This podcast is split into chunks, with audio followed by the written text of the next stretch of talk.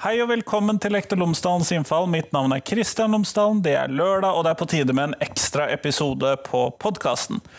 Denne gangen snakker jeg med Edvard Botteli Udnes, som er påtroppende leder i Elevorganisasjonen, og som for så vidt også nettopp var med på podkasten i panelet mitt om elevene og korona. Eh, denne gangen så får han langt mer tid til å snakke om hva Elevorganisasjonen tenker om eh, fullføringsreformen og stortingsmelding 21. Ellers er podkasten fremdeles sponset av Cappelen Dam Undervisning, og hvis du går inn på tverrfaglig.cdu.no, så finner du alle de oppleggene og informasjon og ressursene som Cappelen Dam har laget i forbindelse med de tverrfaglige temaene i fagfornyelsen i den videregående skolen. Så tverrfaglig.cdu.no, så finner du det. Her får du intervjuet med Edvard, vær så god.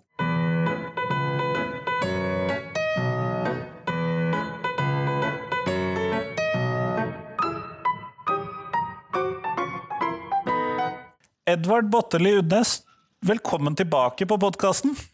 Tusen takk. Nå er det jo ikke så lenge siden du var med sist gang, men jeg tenker at du er nødt til å fortelle lytterne mine tre ting om deg selv, sånn at de som ikke vet hvem du er fra før av, finner ut hvem du er. Ok, um, jeg heter Edvard. Uh, jeg er påtroppende leder av Elevorganisasjonen, og jeg dubber en flodhest på TV når jeg ikke er uh, påtroppende leder av Elevorganisasjonen. Uh, ja, jeg har så siste. mange spørsmål som ikke er relevante for denne episoden. Og jeg skal ikke svare på noen av dem. Grunnen til at vi snakker sammen i dag, er jo den såkalte fullføringsreformen, eller stortingsmelding 21, som uh, vel droppet ned som en bombe før påske på de fleste av oss, og som har skapt en del bruduljer. Mm. Um, og her Jeg forstår denne reformen egentlig som tre reformer i én. Jeg sliter litt med å forstå den hvis jeg ikke deler den opp i tre. Eh, så sånn som jeg ser det, så er det én eh, fullføringsreform, altså vi vil ha elevene fort, eller faktisk gjennom videregående skole i større grad enn i dag. Så er det en reform som har med fagstruktur i yrkesfagene, som er en liten del av det. Og så er det en, de, den delen som har fått mest oppmerksomhet, som har med fagstrukturen i studiespesialiserende. Er det også sånn som du forstår denne reformen, eller ser du den mer på som en helhet, eller som noe helt annet?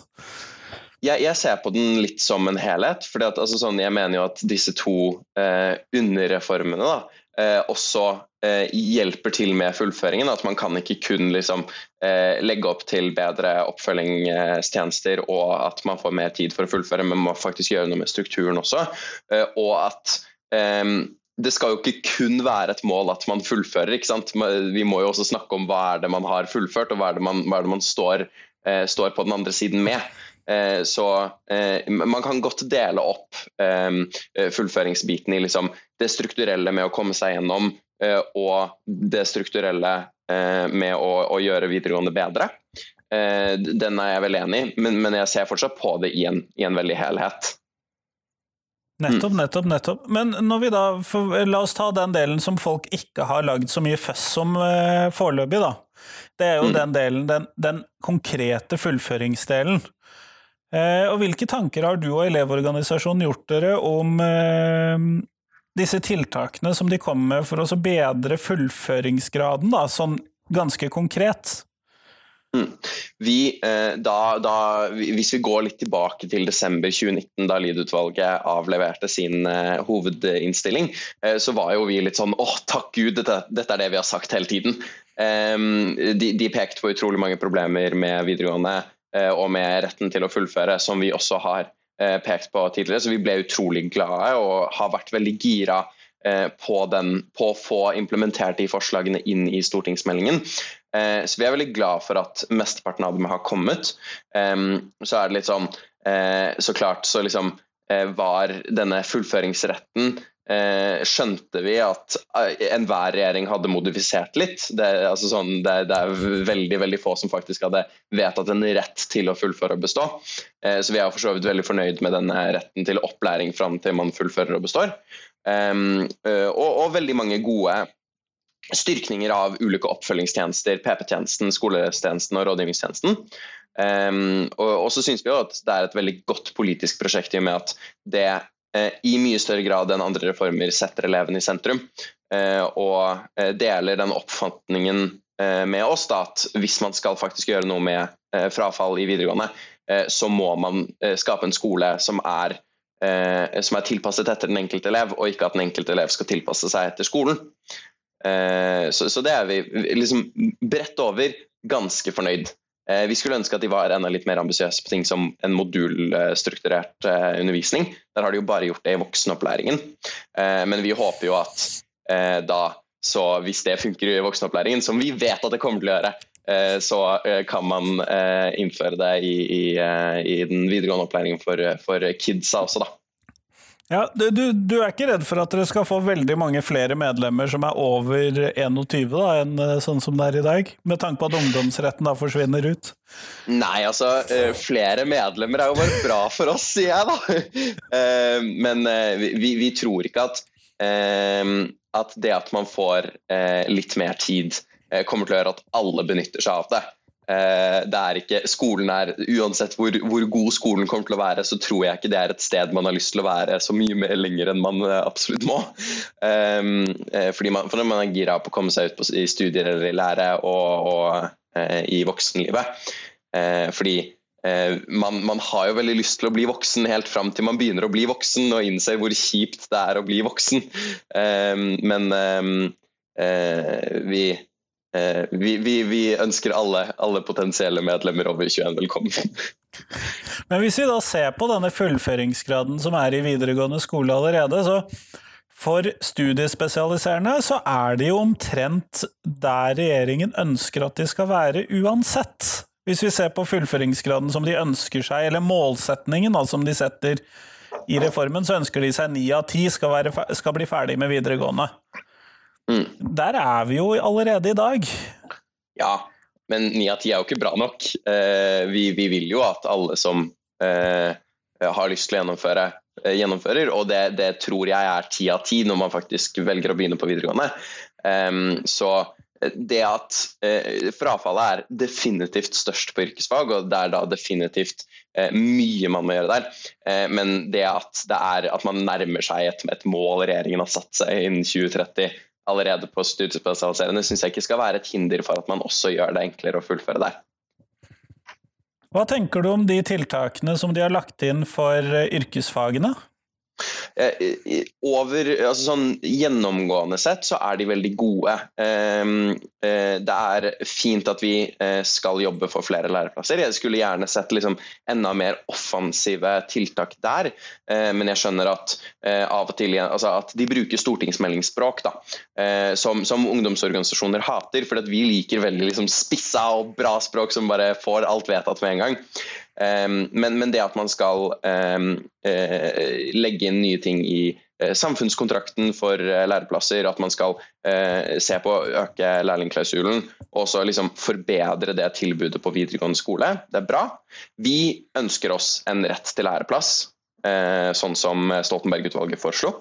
Um, eller som vi foreslo lenge før Stoltenberg-utvalget. Uh, ta den, Camilla Stoltenberg. Um, men, um, men uh, og at fylkeskommunen også skal ha en plikt om å opprette læreplasser. men uh, vi visste jo at det ikke kom til å skje, så vi er ikke særlig overrasket. Men, men, så er det også my mye andre ting som vi må gjøre på yrkesfag for å for å få flere til å fullføre. Det, det å gjøre fagene og fellesfagene mer yrkesrelevante og mindre teoritunge er Eh, en stor del av dem. Vi må jo f.eks. også fullfinansiere utstyrsstipendet. Eh, fordi det er jo et hinder eh, for gjennomføring og for søkegraden til yrkesfag at det er veldig mange linjer hvor man må betale utrolig mye fra egen lomme. Um, og det, det, er jo en budsjettsak, så jeg ser for så vidt grunnen til at jeg ikke har adressert stortingsmeldingen. Um, men det det eh, kunne jo ligget noen klarere tanker om det, kanskje? Ja, det kunne det. Eh, og det, det viser litt at det kanskje ikke er en prioritering for regjeringen å, å bevilge de altså, Det er jo ikke så mange millioner heller. Eh, jeg tror vi mangler en 100 millioner for å få fullfinansiert på alle linjer. Nå, ikke, ta, ikke arrester meg på det tallet, jeg har ikke det akkurat nå. Men, men det, det, er i hvert fall såpass mye at vi klarte å foreslå en opptrappingsplan på tre år som Stortinget ikke vedtok. Um, fordi Stortinget er Stortinget. Um, men, uh, så vi, vi, skulle ønske det var noe der, men, men ellers ganske gode tiltak.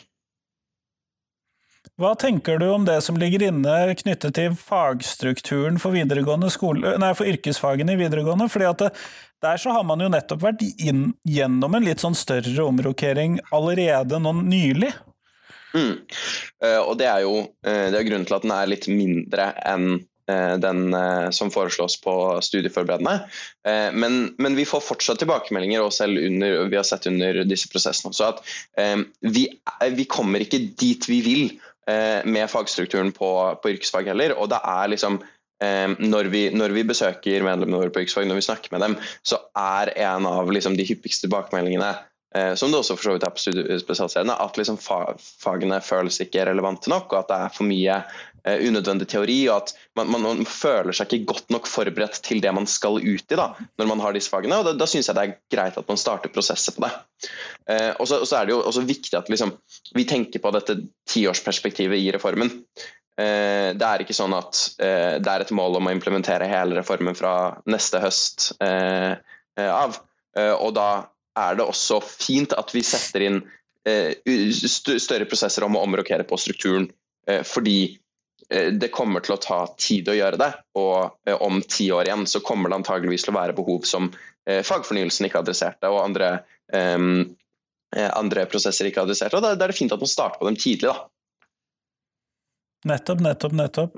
Men tenker du at det er bedre for elevene hvis de strammer inn på dette med kryssløp og det å kombinere ulike yrkesfag, eller kombinere studiespesialiserende f.eks. påbygg med yrkesfag? Uh, jeg er litt usikker. Um, det, altså sånn, det Lied-utvalget pekte på, var jo at man ikke var godt nok yrkesforberedt uh, på, uh, på, yrkesfag, og man var ikke godt nok studieforberedt på studieforberedende. og Da er det jo viktig at man også gjennomfører tiltak for å gjøre deg mer yrkesforberedt. og Hvis det liksom går inn på å stramme inn sånne kryssløp, så kan det være nødvendig. Um, og, og så er det jo også det skal fortsatt være mulig å ta påbygg, eh, og man skal fortsatt ha sånne ordninger. Eh, og det skal være mulig å velge feil, Eh, men, um, men, men, jeg syns det er fint at man ser nytt på hva, hva yrkesforberedt betyr. Da. Spesielt når uh, såpass, uh, det er såpass mange som ikke får læreplass. ja, og Det i seg selv gjør det jo nødvendig å ha en påbyggsmulighet, i hvert fall. Ja, det, det, er veldig sant, men vi vil jo også etterstrebe at uh, alle skal få læreplass. Eh, og møte de kravene som eh, næringslivet setter til, til, eh, til lærlingene sine. Men påbyggsordningen er definitivt fortsatt viktig, og vi har ikke tenkt å fjerne den. Men en annen spennende ting jeg så da jeg leste stortingsmeldingen, var jo dette med at de som er overrepresentert i statistikken for ikke å få læreplass, er jo gutter med minoritetsbakgrunn. Eh, selv når man har kontrollert for fravær og, og karakterer. Uh, og det, det, det, var, altså sånn, det, var, ikke særlig overraskende, egentlig, men det er veldig interessant. at Vi burde kanskje se på ordninger hvor man kan f.eks. ha to runder med søknadsprosesser hvor én er anonym. sånn at man Ja, men, men altså sånn, det er åpenbart noe som peker i en retning om at det kun altså ikke kun handler om kvalifikasjonene til den lærerkandidaten, da, eh, når, man, når, man, ser det selvjustert for, eh, for fravær og karakterer. Og det har man jo sett i undersøkelser av det hva skal vi kalle det ordinære arbeidsmarkedet også, sånn at eh, mm. jeg er heller ikke overrasket over at de finner det. Det skal jeg ærlig innrømme at jeg ikke er. Men det som har skapt størst oppmerksomhet, Edvard, og som du for så vidt også har vært med litt i debatten på, det skal jo også sies, alle som vil, kan jo lete fram Twitter-kontoen din, så finner de ut det. Den ligger i shownotesen. Men det er jo dette forslaget om endring av fagstruktur på studiespesialiserende videregående skole. Eh, med å rett og slett gjøre det mer valgfritt. Altså sitte igjen med en eller annen modell hvor det i den mest radikale varianten så sitter man igjen med fire fag. Norsk, engelsk, matematikk og et eller annet framtidsfag som er litt sånn diffust, og som ikke mm. per nå finnes. I, ja, det er riktig. jeg syns jo det høres ut som samfunnsfag, da, men det er meg. Mm. Men at resten av valgfagene skal kunne velges. Og så mm. legger de opp til at det kan være at det ikke blir alle fagene som blir gjort valgbare, og at det, det finnes mindre radikale varianter av dette. Men sånn som jeg forstår deg, Elevorganisasjonen er for dette. Ja. Eh, vi, vi, har vært for å redusere eh, omfanget med fellesfag videregående, spesielt på studiespesialiserende, veldig lenge. Eh, så vi er egentlig veldig positive for at denne utredningen forhåpentligvis skjer. Eh, fordi, eh, og Det er også en av de hyppigste tilbakemeldingene vi får fra medlemmene våre på studieforberedende, akkurat som på yrkesfag. ikke sant? Når vi snakker om problemer i videregående, bortsett fra eksamen og fraværsgrensa, som er de liksom åpenbare, så, er det det at man har for lite valgfrihet. Altså, VG1 føles ut som 11. grunnskoleår, altså, og at nærmere 70% av timeplanen din eller av fagene dine er eh, fellesfag. Eh, det gjør at man ikke får den videre spesialiseringen av grunnopplæringen som videregående skal være. Man får ikke tid til å fordype seg i interessene sine og i talentene sine. og um, Det føles litt som man bare har Man går på ungdomsskolen og så har man litt flere valgfag. Um, og, og, og det, er et, det, er et, problem uh, vi ser, og det, det er ikke bare fordi at vi har lyst til å velge bort fag eh, til fordel for et skillefag. Det er en myte. Eh, det handler jo om at man har eh, en sammensatt elevgruppe med mange forskjellige faglige interesser, og vi er utrolig nysgjerrige. Og at vi har lyst til å kunne fordype oss i mer av det som interesserer oss. og, det, det, vi har lyst til å studere, eller vurderer å studere også. Et av problemene med å liksom, med velge studier og sånn, er at vi får så lite vi, får besøkt så lite av faget man kan velge å studere videre også da, i, i, videregående, at vi vet ikke hva vi går inn i. Jeg hadde uh, liksom totalt fire programfag, uh, tror jeg. Uh, og så hadde jeg liksom fordypning av noen også, men gjennom videregående løpet mitt så hadde jeg fire programfag. som da, da kunne, hvis jeg kun skulle um, søkt studier etter det, da, så kunne jeg kun søkt italiensk studie, filosofistudie, samfunnsøkonomi og sosiologi. Um, jeg, jeg, hører jo at du valgte gode fag på videregående, da. Det hører jeg jo. Ja, jeg, jeg, jeg var for så vidt veldig fornøyd. Jeg skulle ønske jeg kunne velge eh, flere fag. Eh, og jeg vurderte selv også å, å, eh, å fylle opp timeplanen min enda mer, ta noen privatist og sånn, fordi det var mye jeg interesserte meg for. Men det hadde jeg jo ikke hatt kapasitet til. Um, men, men, det er også viktig men, at liksom, valgfrihet skaper økt eierskap og motivasjon til opplæringen også. Uh, og det er jo ting som hjelper oss med å gjennomføre. Men Edvard, det der ønsket om å velge flere fag enn det man eh, faktisk får lov til av timeplanen, det kjenner jeg veldig igjen. fordi at når jeg gikk på Oslo Handelsgymnasium en gang for 20 år siden, eller der omkring, når jeg vandret rundt på videregående, så endte jeg etter sånn Hvilke fag har jeg lyst på? Med noen og 50 uketimer. Uh, fordi at Oi, jeg har lyst på det og det og det og det og det. og det. så jeg mm. forstår veldig godt det instinktet der, og jeg tror heller ikke at elevene, i hvert fall ikke majoriteten, er sånn, hva skal vi kalle det, bare er ute etter chille fag. Fordi at jeg ser altfor mange elever synes jeg, som velger sånn full realfagsdekning. Det forstår jeg ikke hvordan de orker. uh, så de er i hvert fall langt mindre chille enn meg. mm. Eh, men tror du ikke det noen, eh, ligger noen problemer der ved å skulle ha så mye valgfrihet av dette? Altså at det, det, blir for vanskelig å skulle velge videregående skole når du også allerede i første gym må velge hvilke fag du skal ha? Jeg, jeg tror ikke det. Jeg tror faktisk altså, heller problemet er at man blir utrolig demotivert i første klasse når man begynner å innse at man har null valgfrihet. Man, eh, altså det eneste man kan velge, det er variasjon av matte og variasjon av fremmedspråk eh, på studiespesialiserende. Ehm, og på, liksom, på, skolen min så kunne man ta fem timer ekstra med latin i uka. det var det, liksom. Ehm, det var jo veldig få som orka det, fordi det innebar enda flere timer og, og sånn. Um, men, men, jeg tror problemet heller er at, at vi føler oss litt lost da, og litt liten, en veldig passiv, uh, passiv deltaker i, i skolen. Uh, og så synes jeg for så vidt dette med valgfrihet også, at man vil ha masse fellesfag og ikke vil ha så mye valgfrihet til elevene. Også liksom, det er egentlig å sy puter under armene våre.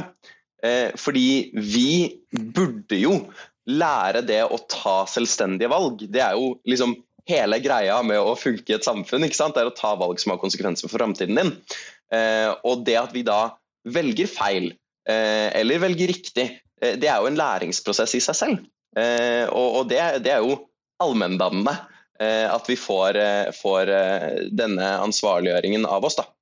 Og, og 16-åringer er nesten voksne mennesker. Vi har utrolig mange Eh, mange rettigheter og, og, eh, og plikter i, i, samfunnet som, som 16-17 år, spesielt 18-åring. ikke sant? Um, og Jeg syns skoleløpet burde behandle oss sånn også. Um, og også må vi behandle videregående som, som, det det er, ikke sant? som er en frivillig spesialisering av grunnopplæringen. Så kan man argumentere for at videregående ikke er så frivillig på, eh, altså i, i, praksis. Eh, men um, men det er fortsatt, eh, skoleløpet vårt er fortsatt lagt opp at grunnskolen skal gi oss liksom grunnutdanningen vår, og så skal vi spesialisere oss videre på videregående. Eh, og da hvis, hvis problemet er at vi ikke lærer nok historie eh, i eh, f.eks. I, i grunnopplæringen, så, så, mener jeg faktisk heller problemet er der, eh, enn at eh, man skal ha mer obligatorisk i, i videregående.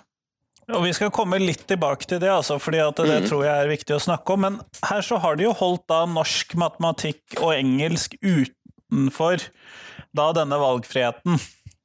Mm. Eh, jeg finner ikke det logisk. eh, jeg sliter med å se det. Eh, og da lurer jeg på, hva tenker dere om at eh, disse tre fagene er holdt utenom, hvis man først skal gjøre så mye valgfritt? Uh, der må jeg gi deg et utrolig kjedelig svar og si det er akkurat det har ikke snakket om uh, med organisasjonen ennå. Uh, og med medlemmene våre, men, men, det er ikke sånn at det er gitt at vi er enige med regjeringen om at det er akkurat de som skal vernes. vi mener sånn vår, Vårt generelle standpunkt er at fellesfagsantallet må reduseres. Det at det er matte, norsk og engelsk Jeg skjønner norsk, Skjønner norsk veldig godt. Ehm, eh, det er eh, flere ting der, men det er matte, norsk og engelsk som må eh, forbli. Det er, ikke liksom, det er ikke satt i stein fra vår side, i hvert fall. Ehm, det, det, men kunne vi ikke forvente at grunnopplæringen var ferdig også der ut 10. klasse? Jo, det, det, kan du jo godt si. Og, og, vi ville vel sagt det på, på alt.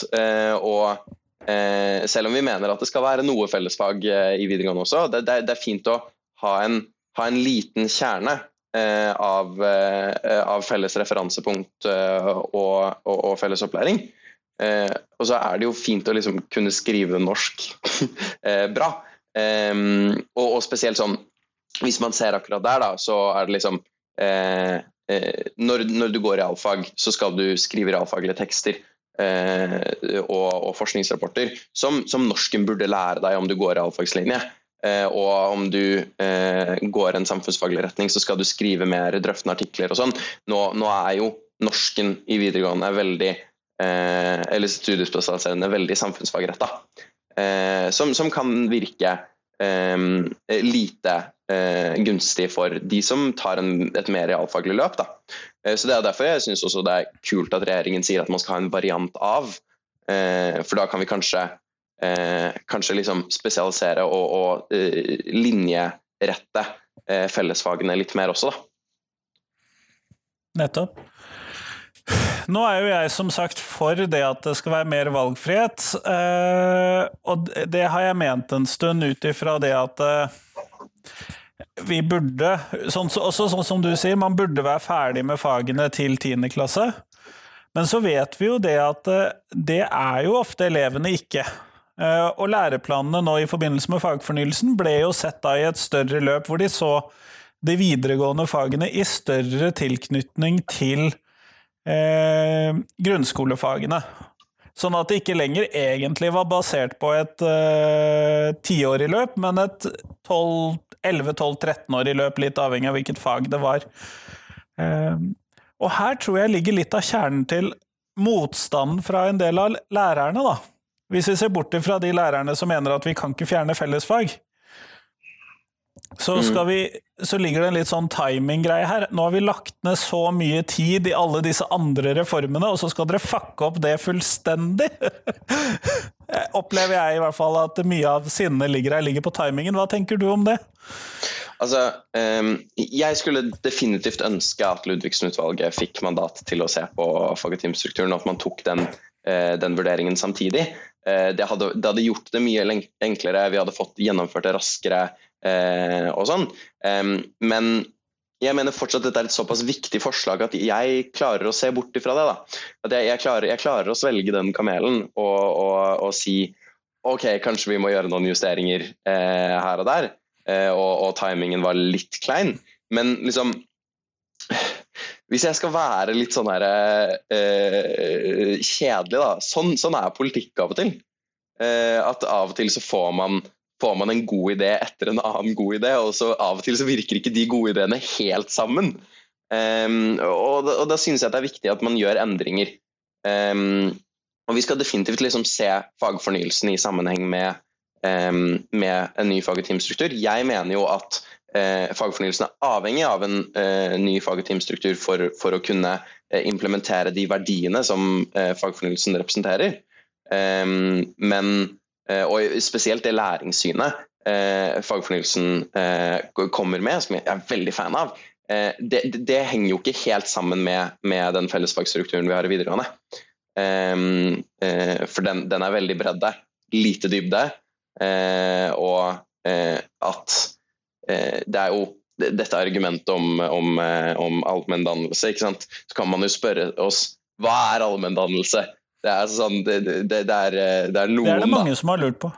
ja, og det er, er, også noen som har prøvd å liksom skape et litt monopol på allmenndannelse, men jeg mener jo at eh, allmenndannelse handler om eh, at eh, handler like mye om at eh, vi skal få eh, verktøyene til å tilegne oss og anvende kunnskap, dra paralleller mellom ting vi lærer på skolen og dagsaktuelle temaer, og, og, og, og dyrke en nysgjerrighet da, som varer gjennom hele livet. Og det tror jeg jo gjøres med, med en ny fag- og teamstruktur. Um, men ja, definitivt. Den kunne kommet samtidig som fagfornyelsen. Um, men jeg er fortsatt glad for at den kommer.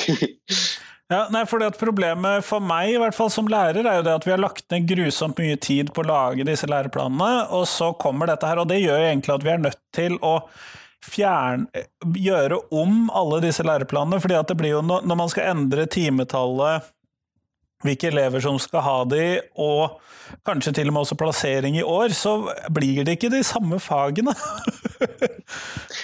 Nei, altså akkurat, akkurat, der kan jeg ikke nok eh, om, om, eh, det tekniske for å liksom vite hvor mye endring det kommer til å bli. Um, men, men, det er definitivt liksom baksiden av medaljen. Eh, at, man, at, det kommer til å kreve arbeid. Eh, det kommer til å kreve tid. Og jeg tror jo dette hvis vi går tilbake til dette tiårsperspektivet, da, så tror jeg dette kommer til å være på tampen av de ti årene. Um, spesielt hvis, uh, hvis Utdanningsforbundet og Lektorlaget har tenkt å være så vrange også etter det er vedtatt. Um, men um, uh, og, og, og, så vet man jo ikke hva Arbeiderpartiet mener. Og så, nei, det er veldig mye rart der.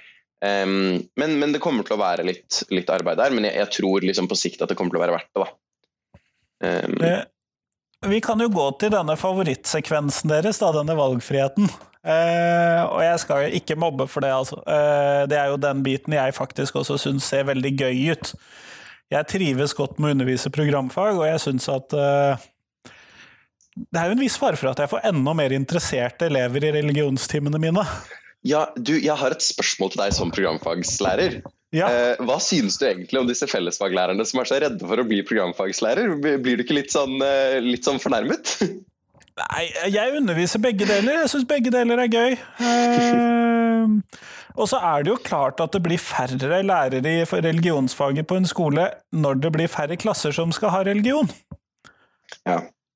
Eh, men jeg tror at, og det ser man også på lærerstudenter når de skal tenke ut hvilke fag kan jeg undervise, så tenker de veldig ofte disse Jeg kan undervise samfunnsfag, eksempel. Mm. Og så glemmer de at det fins sju forskjellige samfunnsfag som programfag. Eller hvor mange mm. der. Ikke skyt meg for antallet. Nei, du, jeg aner ikke sjøl. Men jeg vet i hvert fall at jeg, når jeg melder meg opp som sånn privatistsensor, så melder jeg meg opp i ti forskjellige fag. Mm. så jeg kan undervise noe skjønner jeg. Mm. Ja. Men er du øh, Sånn som du, du gikk jo på en stor skole i Oslo sentrum. Ja. Jeg underviser på en stor skole i Bergen sentrum, og jeg gikk selv på en stor skole i Oslo sentrum. De skolene vil jo egentlig antagelig aldri ha noe problem med denne valgfriheten, for det vil alltid være masse fag tilgjengelig. Ser ikke dere i Elevorganisasjonen en fare for alle de som da går utenom bykjernen? Jo, det gjør vi definitivt. Og vi mener jo definitivt at liksom, med denne utredningen så må det også følge midler, og det må følge ordninger for, sånn at man kan eh, ha et bredt eh, fagtilbud. Eh, og, men det mener vi jo står litt på siden av, av forslaget, men samtidig går hånd i hånd. Um, og vi mener så klart det er en forutsetning. Uh, jeg, jeg, tror mye av problemet handler om økonomi. Eh, sånn, eh, selv om jeg gikk på en stor skole i Oslo sentrum, den var jo liksom sånn, sammenlignet med de andre skolene i Oslo sentrum ganske liten. Um, ja, det er ikke den største. Noen, eh, nei, så hadde, så hadde, vi også noen fag som ble, um, ble kutta.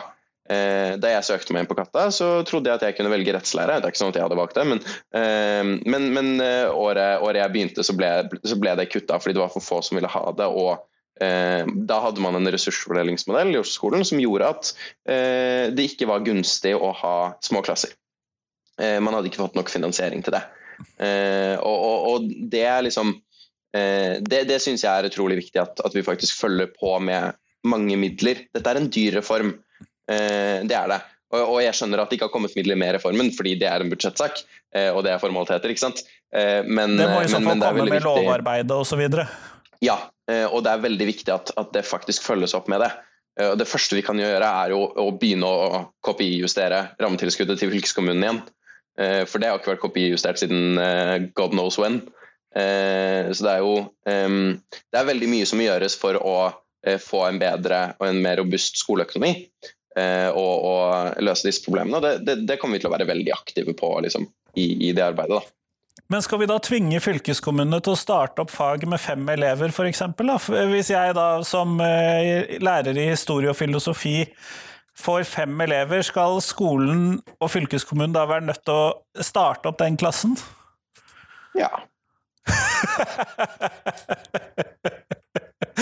det var kort og konsist. Altså, Hvis fem elever har lyst til å ta historiefilosofi, så synes jeg at fem elever skal få lov til å ta historiefilosofi. Dette mener jeg ikke bare fordi det er verdens beste fag, eh, men, eh, men, eh, men, men, jeg mener at, at, det er viktig at skolene klarer å opprettholde tilbud til, til hver enkelt elev. Og når man, når man, ser på det som hver enkelt elev, så er det fem enkeltelever som har lyst på historiefilosofi, og det er veldig mange enkeltelever, synes jeg. Det var et og år tenk den lærertettheten. ja, tenk den lærertettheten. Det var et år hvor jeg humret veldig fordi at jeg moret meg over å være eh, den dyreste læreren på skolen, for jeg hadde to sånne sekseleversklasser. ja, men, men, det er også veldig deilig Det må jo være veldig deilig som pedagog å ha, ha så små klasser også? Du har god tid. Eh, ja. God oppfølging.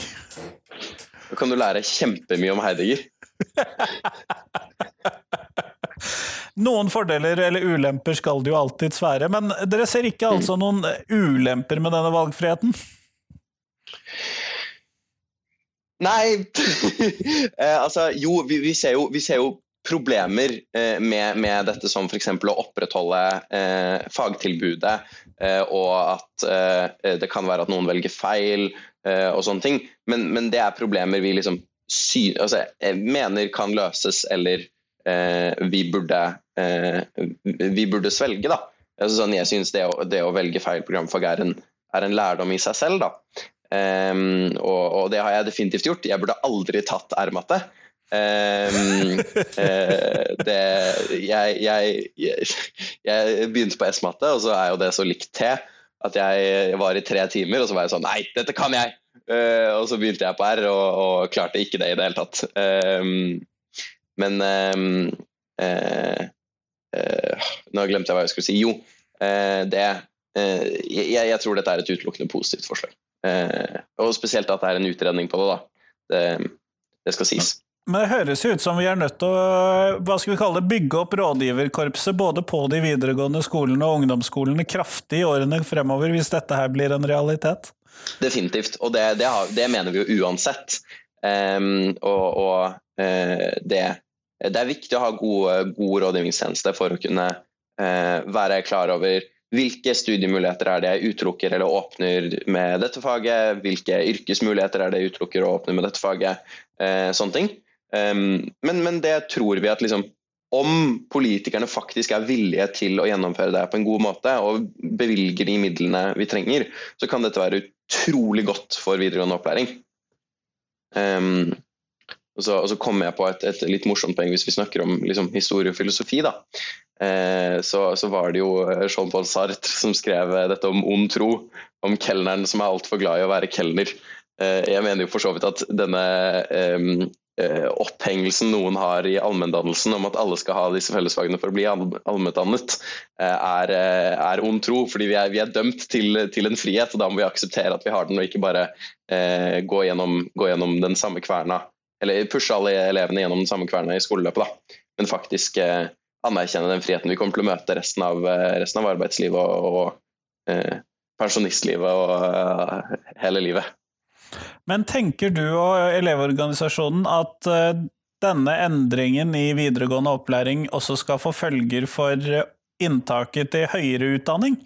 F.eks. at eh, man da kan velge, hvis du da har valgt samfunnsøkonomi eller ikke har valgt samfunnsøkonomi, så skal det da få følge for inntaket til samfunnsøkonomiske studier senere? Eh, nå skal jo, eh, eh, Når jeg har overtatt eh, stafettpinnen stafettpin til Kristin, så skal hun inn i et utvalg som skal se på opptakssystemet til høyere utdanning. Eh, som regjeringen nå nylig har satt ned. Og, og, Vi tror det kommer til å ha litt konsekvenser for det, fordi man må se nytt på hva generell studiekompetanse er. Eh, vi har ikke gjort opp oss noen meninger om det. Det eneste politikken vi har på inntaks, opptak til høyere utdanning, er at relevante karakterer skal vektlegges. Eh, og at man skal prøve ut ting som motivasjonsbrev og intervjuer og sånn.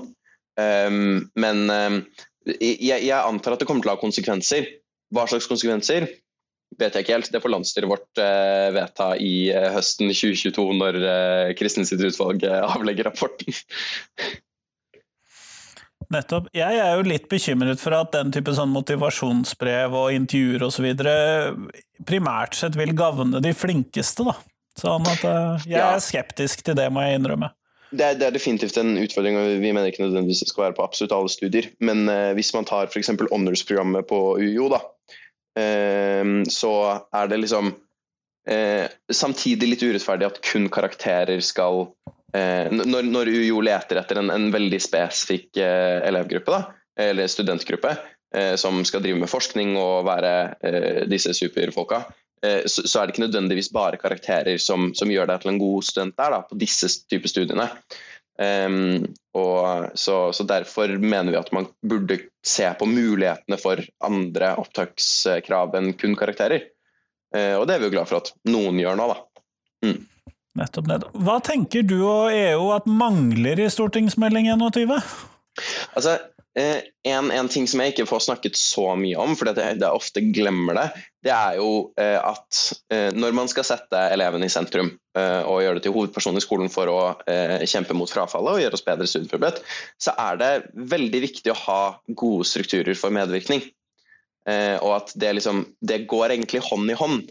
Man kan ikke bare la oss velge mer av, av fag, man må også la oss liksom, påvirke egen skolehverdag og undervisningen vår og sånne ting. Eh, så jeg, så jeg, savner litt mer Jeg savner egentlig et eget kapittel om, om medvirkning i, i, videregående opplæring eh, for, eh, for å kjempe mot frafall. Fordi vi mener at liksom, om man faktisk blir anerkjent med denne valgfriheten, så går det også den, denne anerkjennelsen av at du er en verdig part i skolehverdagen din. Det går også på medvirkningen. Og man burde se det litt i sammenheng. Men også mener vi også at liksom, fraværsgrensa og eh, stortingsmeldingen, eh, det har veldig motstridende elevsyn. Eh, det elevsynet som eh, stortingsmeldingen legger til grunn, er jo at alle elever er eh, nysgjerrige individer eh, som skal ansvarliggjøres, ta egne valg og, og bestemme mer over egen skolehverdag. Um, og at de er, de, de er uh, kapable til å, ta, uh, til å, ta, gode, selvstendige valg. Um, det er ikke fraværsgrensa sitt elevsyn. Uh, den, det er jo en, en, grense som sier til deg eh, ja, jeg ser at du er elev, det betyr at du ikke har lyst til å møte opp. Um, så, og, og, også mål om økt gjennomføring samtidig som man har en fraværsgrense som øker risikoen eh, for eh, de svakeste elevene til å eh, droppe ut, gir ikke helt mening. Um, og så, så, mener vi også at en ny fag- og timestruktur, fagfornyelsen, Alt det, det krever også en ny sluttvurderingsform. Eh, og at regjeringen, Det eneste konkrete regjeringen foreslår å gjøre med eksamensordningen her, å endre trekkordningen, syns vi er litt sånn eh. Um, Men vi håper de setter ned et nytt eksamensutvalg som faktisk får et mandat til å være et eksamensutvalg, og ikke bare en liten kosegruppe, sånn som det forrige eksamensgruppa var. Eh, sånn at vi faktisk kan se på liksom, hva, er, hva, er, de reelle alternativene til, til eksamens- og sluttvurdering. Da. Nettopp, nettopp, nettopp. Eh, er det noen sånne andre ting som du vil trekke fram som særlig positivt eller negativt fra denne eh, stortingsmeldingen? Eller som dere har bitt dere merke i, men som ingen andre bryr seg om? Uh, ikke som jeg ikke har nevnt uh, hittil. Uh, det men da, Edvard, da skal du få det siste spørsmålet mitt som jeg stiller til alle sammen, og det er hva er de tre viktigste tingene som skolen lærer elevene? skolen lærer elevene å funke i sosiale eh, relasjoner og eh, lære. og, og, um, og Gud. Å være nysgjerrig. Mm. Kjempeflott. Tusen takk for at du tok deg tid til meg i dag. Tusen takk for at jeg ble invitert.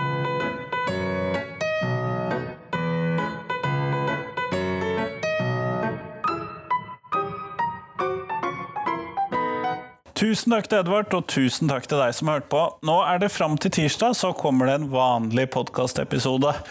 Eh, med tanke på fullføringsreformens hva skal vi kalle eksplosivitet, så havner de litt innimellom, og har nå fått dager på onsdager og lørdager, når det kommer ut sånne ekstraepisoder.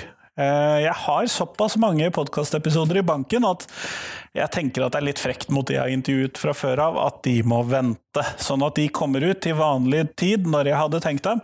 Og så kommer disse fullføringsreformsepisodene litt sånn innimellom, når jeg finner noen aktuelle personer å intervjue. Det kommer nok ikke til å vare for alltid. Det å produsere fire podkastepisoder i uken er kanskje litt i overkant, og så skal jo du rekke å høre i hvert fall alle de du tenker er interessante.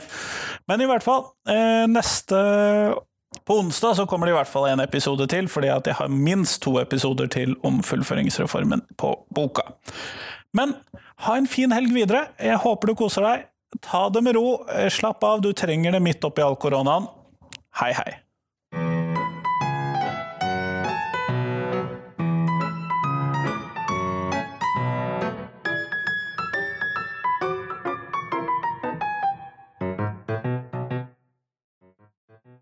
Husk at du kan gå inn på Facebook og finne Facebook-gruppen Lektor Lomsdalens innfall hvis du har lyst til å være med og diskutere norsk skole.